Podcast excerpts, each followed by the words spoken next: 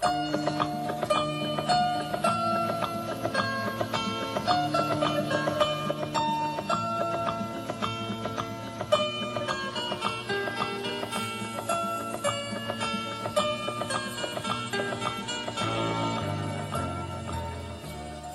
هذا الكتاب محاولة لاختزال ثلاثة آلاف عام من التاريخ الإنساني بقصص منتقاة عن كيفية اكتساب المرء للقوة أو تفهمه لها من مختلف جوانبها أو حماية نفسه من عسفها وتسلطها أو الحفاظ عليها وممارستها بحكمة وتعقل أو تحييدها لاتقاء شرها.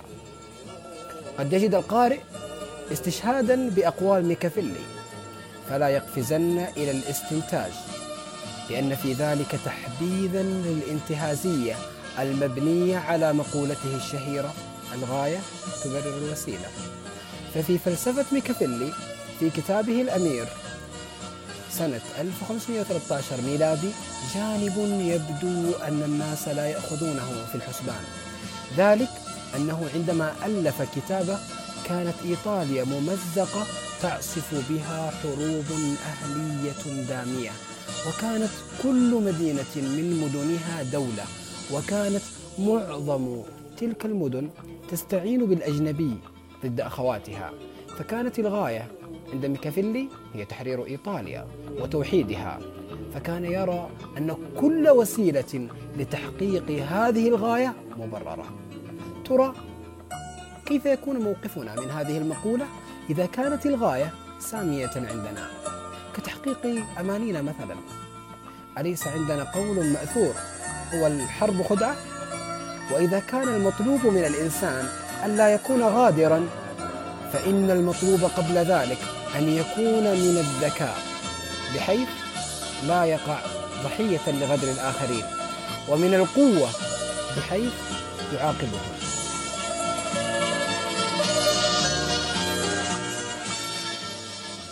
إن بين يدي القارئ كتاب أزعم بإصرار أنه جدير بالاقتناء والقراءة وأرجو أن يجد فيه فائدة ومتعة وأن يسامحني على ما فيه من هفوات. تلك كلمات الدكتور محمد توفيق البجيرمي. حين قدم كتاب كيف تمسك بزمام القوة؟ 48 قاعدة ترشدك إليها. للمؤلف روبرت جرين.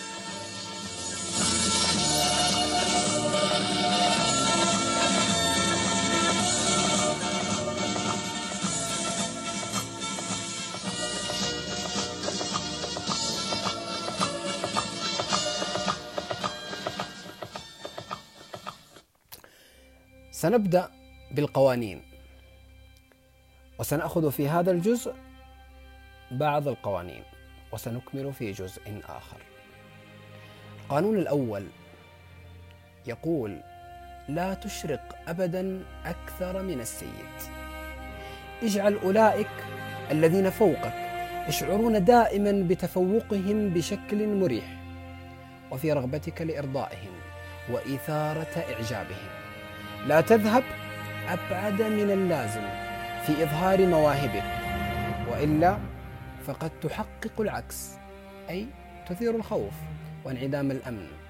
اجعل سادتك يظهرون دائما ألمع مما هم وستصل إلى قمم السلطة. القانون الثاني لا تضع ثقة أكثر من اللازم في الأصدقاء. وتعلم كيف تستخدم الأعداء. كن حذرا من الأصدقاء فسوف يخونونك على نحو أسرع لأنهم يستفزون بسهولة إلى الحسد كما أنهم يفسدون ويصبحون طغاة. ولكن استأجر عدوا وستجد أنه يصبح أكثر ولاء من صديق لأن عليه أن يثبت الكثير والواقع. أن لديك ما تخافه من الأصدقاء أكثر من الأعداء. فإن لم يكن لديك أعداء فأوجد طريقة لكسب أعداء. القانون الثالث أخفي نواياك. أبق الناس في حالة عدم توازن وفي الظلام بعدم الكشف عن الغرض من وراء أعمالك لأنهم إن لم يكن لديهم أي مؤشر على نواياك فلن يستطيعوا تهيئة دفاع. دعهم يقطعون مسافة بعيدة عبر الطريق الخاطئ. وطوقهم بكمية كافية من الدخان بحيث يكون الأوان قد فات عندما يدركون مقاصدك. القانون الرابع قل دائما أقل مما هو ضروري. عندما تحاول أن تثير إعجاب الناس بالكلمات فإنك تصبح عاديا ومبتذلا أكثر كلما زاد ما تقول. فتقل قدرتك على السيطرة على الأمور. وحتى عندما تقول شيئا تافها فإنه سيبدو أصيلا إذا جعلته غامضا ومفتوحا كلغز أبي الهول.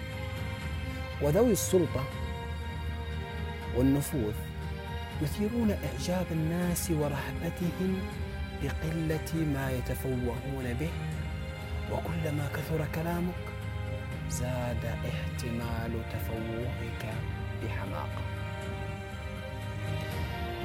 القانون الخامس يتوقف الكثير على سمعتك فحافظ عليها بحياتك. السمعة هي حجر أساس السلطة وعن طريق السمعة وحدها تستطيع أن ترهب وتفوز غير أنك إذا انزلقت فستصبح مكشوفا وعرضة للهجوم من كل جانب. فاجعل سمعتك منيعة تستعصي على الهجوم وكن يقظا على الدوام إزاء الهجمات المحتملة وأحبطها قبل وقوعها. وفي غضون ذلك تعلم كيف تدمر أعداءك بفتح ثغرات في سمعاتهم. ثم قف جانبا واترك الرأي العام يشنقه. القانون السادس اكسب لفت الأنظار بكل ثمن. كل شيء يحكم عليه بمظهره. وما هو خفي لا يساوي شيئا. فلا تترك نفسك تضيع وسط الحشد إذن. أو يدفنك النسيان. بل أبرز وكن لافتا للأنظار بكل ثمن. اجعل نفسك مغناطيس اهتمام. بظهورك أكبر. وأسطع ألوانا. وأسطع ألوانا. وأكثر غموضا. من الجماهير العادية.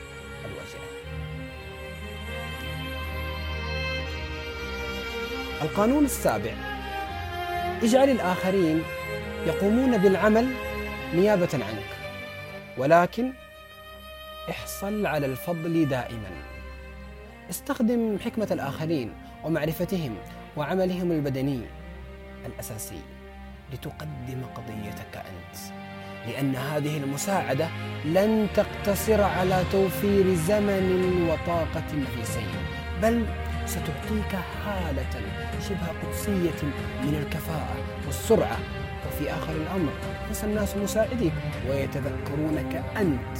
فلا تعمل قط لنفسك ما يستطيع الآخرون عمله لك. القانون الثامن اجعل الآخرين يأتون إليك واستعمل طعما عند الضرورة. عندما ترغم الآخرين على التصرف تكون أنت المسيطر. ومن الأفضل دائما أن تجعل خصمك يأتي إليك متخليا عن خططه الخاصة أثناء مجيئه. أغره بمكاسب خرافية ثم شن هجومك إذ أنك تملك الأوراق. القانون التاسع اكسب من خلال أعمالك. وليس من خلال النقاش أبدا. إن أي انتصار خاطف تظن أنك حققته عن طريق النقاش.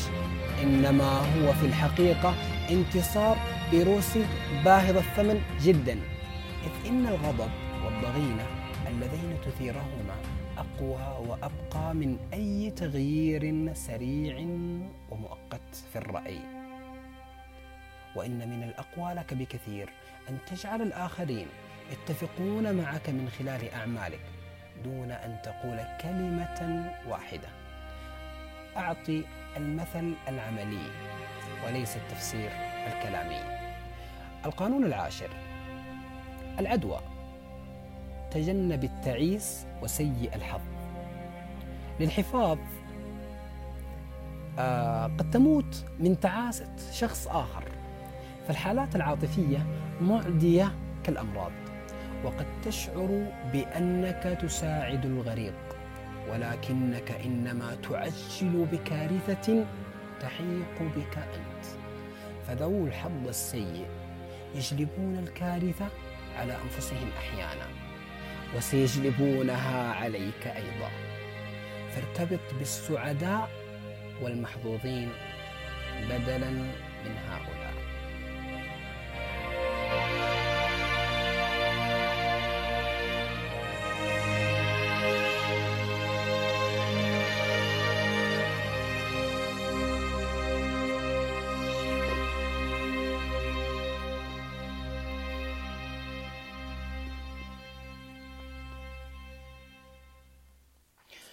القانون الحادي عشر. تعلم أن تبقي الناس معتمدين عليك. للحفاظ على استقلالك يجب أن يبقى الآخرون محتاجين إليك وراغبين بك. وكلما زاد الاعتماد عليك ازدادت حريتك. فاجعل الناس يعتمدون عليك في سعادتهم وفلاحهم ولن يكون لديك ما تخشاه وإياك أن تعلمهم ما يكفي لتمكينهم من الاستغناء عنك. القانون الثاني عشر. استخدم الصدق والكرم بطريقة انتقائية لنزع سلاح ضحيتك. إن حركة مخلصة وصادقة واحدة تطغى على عشرات من الحركات الكاذبة غير النزيهة. فإشارات الصدق والكرم الدالة على القلب المفتوح تجعل أكثر الناس ارتيابا يتخلون عن حرصهم وحذرهم. وما أن يفتح صدقك الانتقائي ثغرة في درعهم حتى تتمكن من خداعهم والتلاعب بهم كما تشاء. وهدية في وقتها المناسب كحصان طروادة سوف تخدم الغاية نفسها. القانون الثالث عشر. عندما تطلب المساعدة خاطب في الناس مصالحهم الذاتية وليس رحمتهم أو عرفانهم. إذا احتجت إلى التوجه إلى حليف طلبا للمساعدة فلا تكلف نفسك عناء تذكيره بمساعدتك الماضية وأعمالك الطيبة لأنه سيجد طريقة ليتجاهلك. وبدلا من ذلك اكشف عن شيء في طلبك أو في تحالفك. سيفيده هو. أكده وضخمه أكثر من أي تناسب وسوف يستجيب بحماس عندما يدرك أن في الأمر شيئا يكسبه لنفسه. القانون الرابع عشر. اتخذ وضع صديق واعمل كجاسوس. إن معرفة المعلومات عن منافسك لها أهمية حساسة. فاستخدم الجواسيس للحصول على معلومات قيمة تجعلك متقدما عليه بخطوة. وأفضل من ذلك أن تؤدي دور الجاسوس بنفسك. ففي المقابلات الاجتماعية المهذبة تعلم أن أن تسبر الأغوار واطرح أسئلة غير مباشرة لجعل الناس يكشفون نقاط ضعفهم ونواياهم. وليست هناك مناسبة لا تصلح كفرصة للتجسس المتفنن. القانون الخامس عشر. اسحق عدوك سحقا كليا. لقد عرف كل القادة العظام منذ موسى عليه السلام أن العدو المرهوب يجب سحقه بصورة كاملة وكانوا يتعلمون ذلك أحيانا بالطريقة الصعبة والتجربة المريرة. فإذا تركت جمرة واحدة مشتعلة مهما كان احتراقها داكنا خافتا فإن نارا ستندلع منها في آخر الأمر. فالتوقف في وسط الطريق يؤدي إلى خسارة ما هو أكثر مما لو كانت الإبادة كلية. فالعدو سوف يتعافى وسيبحث عن الانتقام. فاسحق لا جسديا فحسب بل في الروح كذلك. القانون السادس عشر. استخدم الغياب لزيادة الاحترام والتكريم. إن زيادة التداول عن حده يرخص السعر. فكلما زادت مشاهدتك والسماع منك ظهرت مبتذلا أكثر. فإذا كانت مكانتك راسخة في مجموعة ما فإن الانسحاب المؤقت منها يزيد الحديث عنك. وحتى الإعجاب بك وعليك أن تتعلم متى تغادر. اخلق القيمة عن طريق القدرة. القانون السابع عشر. أبق الآخرين في رعب مقيم. كرس جوا من استحالة التنبؤ بحركاتك. البشر أبناء العادة. وفيهم تعطش لا يرتوي لرؤية ما هو معروف ومألوف في أعمال الناس الآخرين. وإن إمكانية التنبؤ بحركاتك تعطيهم إحساسا بالسيطرة. فاقلب الموائد وتعمد أن تكون شخصا يستحيل التنبؤ بحركاته إذ إن السلوك الذي يبدو بلا تجانس ولا هدف سيبقيهم بلا توازن. فيرهقون أنفسهم في محاولة توضيح حركاتك. وإذا أخذت هذه الاستراتيجية إلى حدها الأقصى فإنها تستطيع أن تخيف وترهب القانون الثامن عشر. لا تبني قلاعا لحماية نفسك فالعزلة خطرة. العالم مكان خطر والأعداء في كل مكان وعلى الجميع أن يحموا أنفسهم. وتبدو القلعة هي الأسلم. ولكن العزلة تعرضك لأخطار أكثر من تلك التي تحميك منها. فهي تعزلك عن معلومات ثمينة كما أنها تجعلك بارزا للعيان وهدفا سهلا. وأفضل من ذلك أن تتجول بين الناس وتجد حلفاء وتختلط. فأنت محمي من أعدائك بجمهور الناس. القانون التاسع عشر. اعرف مع من تتعامل. لا تغضب الشخص غير المقصود. هناك أنواع كثيرة من الناس في العالم ولا يمكنك ابدا أن تفترض أن رد فعل الجميع على خططك الاستراتيجية سيكون بالطريقة نفسها. إذا خدع إذا خدعت بعض الناس أو تفوقت عليه في المناورة فسوف يمضون بقية حياتهم في السعي للانتقام. فهم ذئاب في ملابس الحملان. واذا فإن عليك أن تختار ضحاياك وخصومك بعناية وإياك أن تغضب أو تخدع الشخص غير المقصود. القانون العشرين لا تلتزم بأحد. إن الأحمق الذي إن الأحمق هو الذي يتسرع بالانحياز إلى طرف من الأطراف. لا تلتزم بأي طرف أو قضية سوى نفسك. فبالحفاظ على استقلالك تصبح سيد الآخرين. اجعل الناس يقف بعضهم ضد بعض. فبذلك يتبعونك ويلحقون بك. القانون الحادي والعشرين. العب دور المغفل لتمسك بمغفل. أظهر أنك أبلد من هدفك. لا أحد يحب الشعور بأنه أغبى من الشخص الآخر. فالخدعة إذن هي أن تجعل ضحاياك يشعرون بأنهم أذكياء. وليسوا أذكياء فقط بل أذكى منك. وعندما يقتنعون بذلك فإنهم لن يشكوا أبدا في أن لديك أهدافا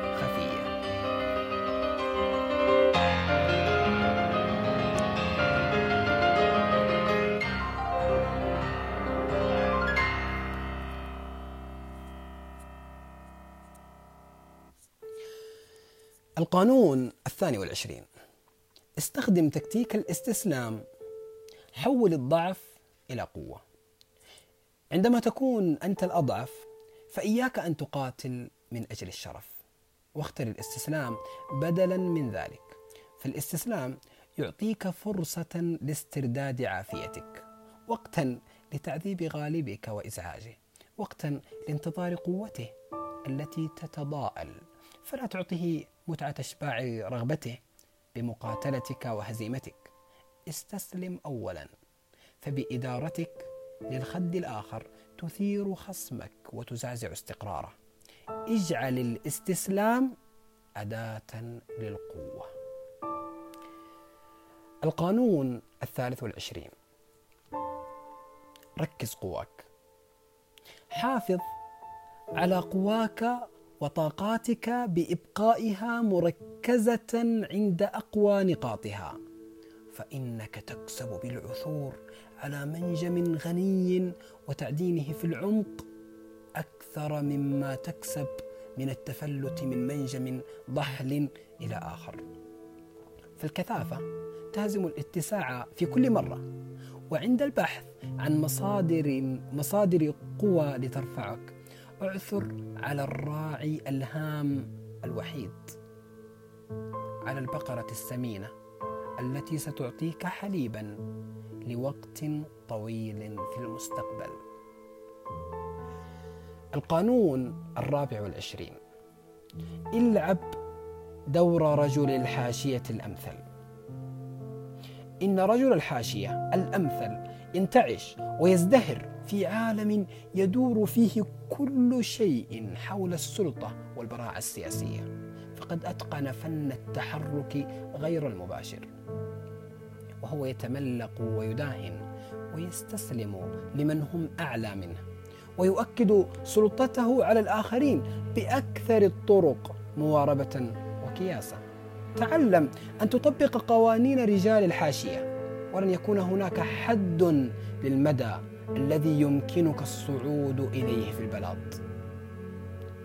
القانون الخامس والعشرين. أعد تشكيل نفسك. لا تقبل الأدوار التي يفرضها أو يدسها عليك المجتمع. وأعد تشكيل نفسك بتكوين هوية جديدة يكون من شأنها أن تكسب الاهتمام. ولا تشعر الجمهور بالسأم أو الملل. كن السيد المسيطر على صورتك بدلا من أن تترك الآخرين يحددونها لك. وأدخل في إشاراتك وأعمالك العلنية تدابير مفاجئة لافتة للنظر وعندئذ يتسع نفوذك وتبدو صورتك أكبر من الحياة. القانون السادس والعشرين. ابق يديك نظيفتين. يجب أن تبدو مثالا للكياسة والكفاءة فيداك لا تتلوثان.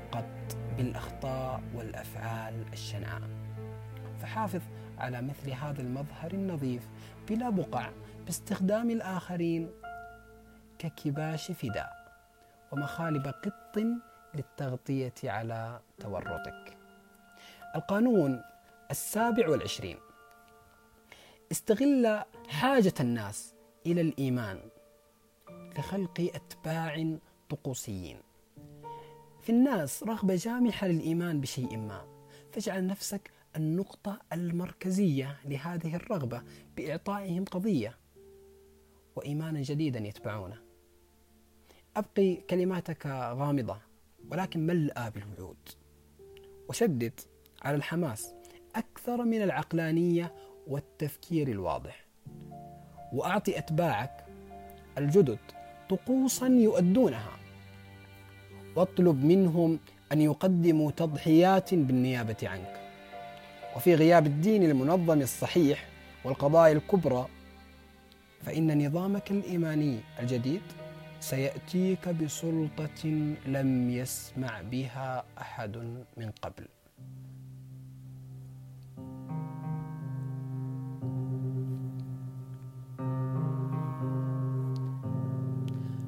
القانون الثامن والعشرين. ادخل معمعة العمل بجرأة. إذا لم تكن متأكدا من سياق عمل ما فلا تحاوله إذ إن حالات الشك والتردد عندك ستنتقل بعدواها إلى أدائك في التنفيذ. فالتخوف خطر والأفضل هو الشروع في العمل بجرأة. لأن أي أخطاء ترتكبها عن طريق الصفاقة يمكن تصحيحها بمزيد من الصفاقة. فالجميع يعجبون بالجريء. ولا أحد يكرم الرعديد المخلوع الفؤاد. القانون التاسع والعشرين. خطط طوال الطريق حتى النهاية. إن الإنهاء هو كل شيء فخطط طيلة الطريق كله حتى تصل إليه. آخذا في الحسبان كل العواقب. والعقبات وتقلبات الحظ المحتملة التي قد تعاكس عملك الجدي الشاق وتعطي المجد للآخرين. وبالتخطيط حتى الختام لن تتغلب عليك الظروف وستعرف متى تتوقف. وجه الحظ بلطف وساعده على البت في المستقبل بالتفكير مقدما وإلى مدى بعيد. القانون الثلاثين. اجعل منجزاتك تبدو بلا جهد. ينبغي أن تبدو أعمالك طبيعية ومنفذة بيسر وراحة ويجب إخفاء كل الكدح والخبرة العملية الداخلة في تلك الأعمال. وكذلك الحيل البارعة فعندما تتصرف تصرف سهو آه، فعندما تتصرف تصرف سهوا رهوا بلا جهد. وكأن باستطاعتك أن تفعل أكثر من ذلك بكثير. تجنب إغراء الكشف عن مدى المشقة الجادة التي تتجشمها في عملك لأن ذلك لا يزيد على إثارة التساؤلات. ولا تعلم حيلك أحدا من الناس وإلا فإنها سوف تستخدم ضدك. نراكم.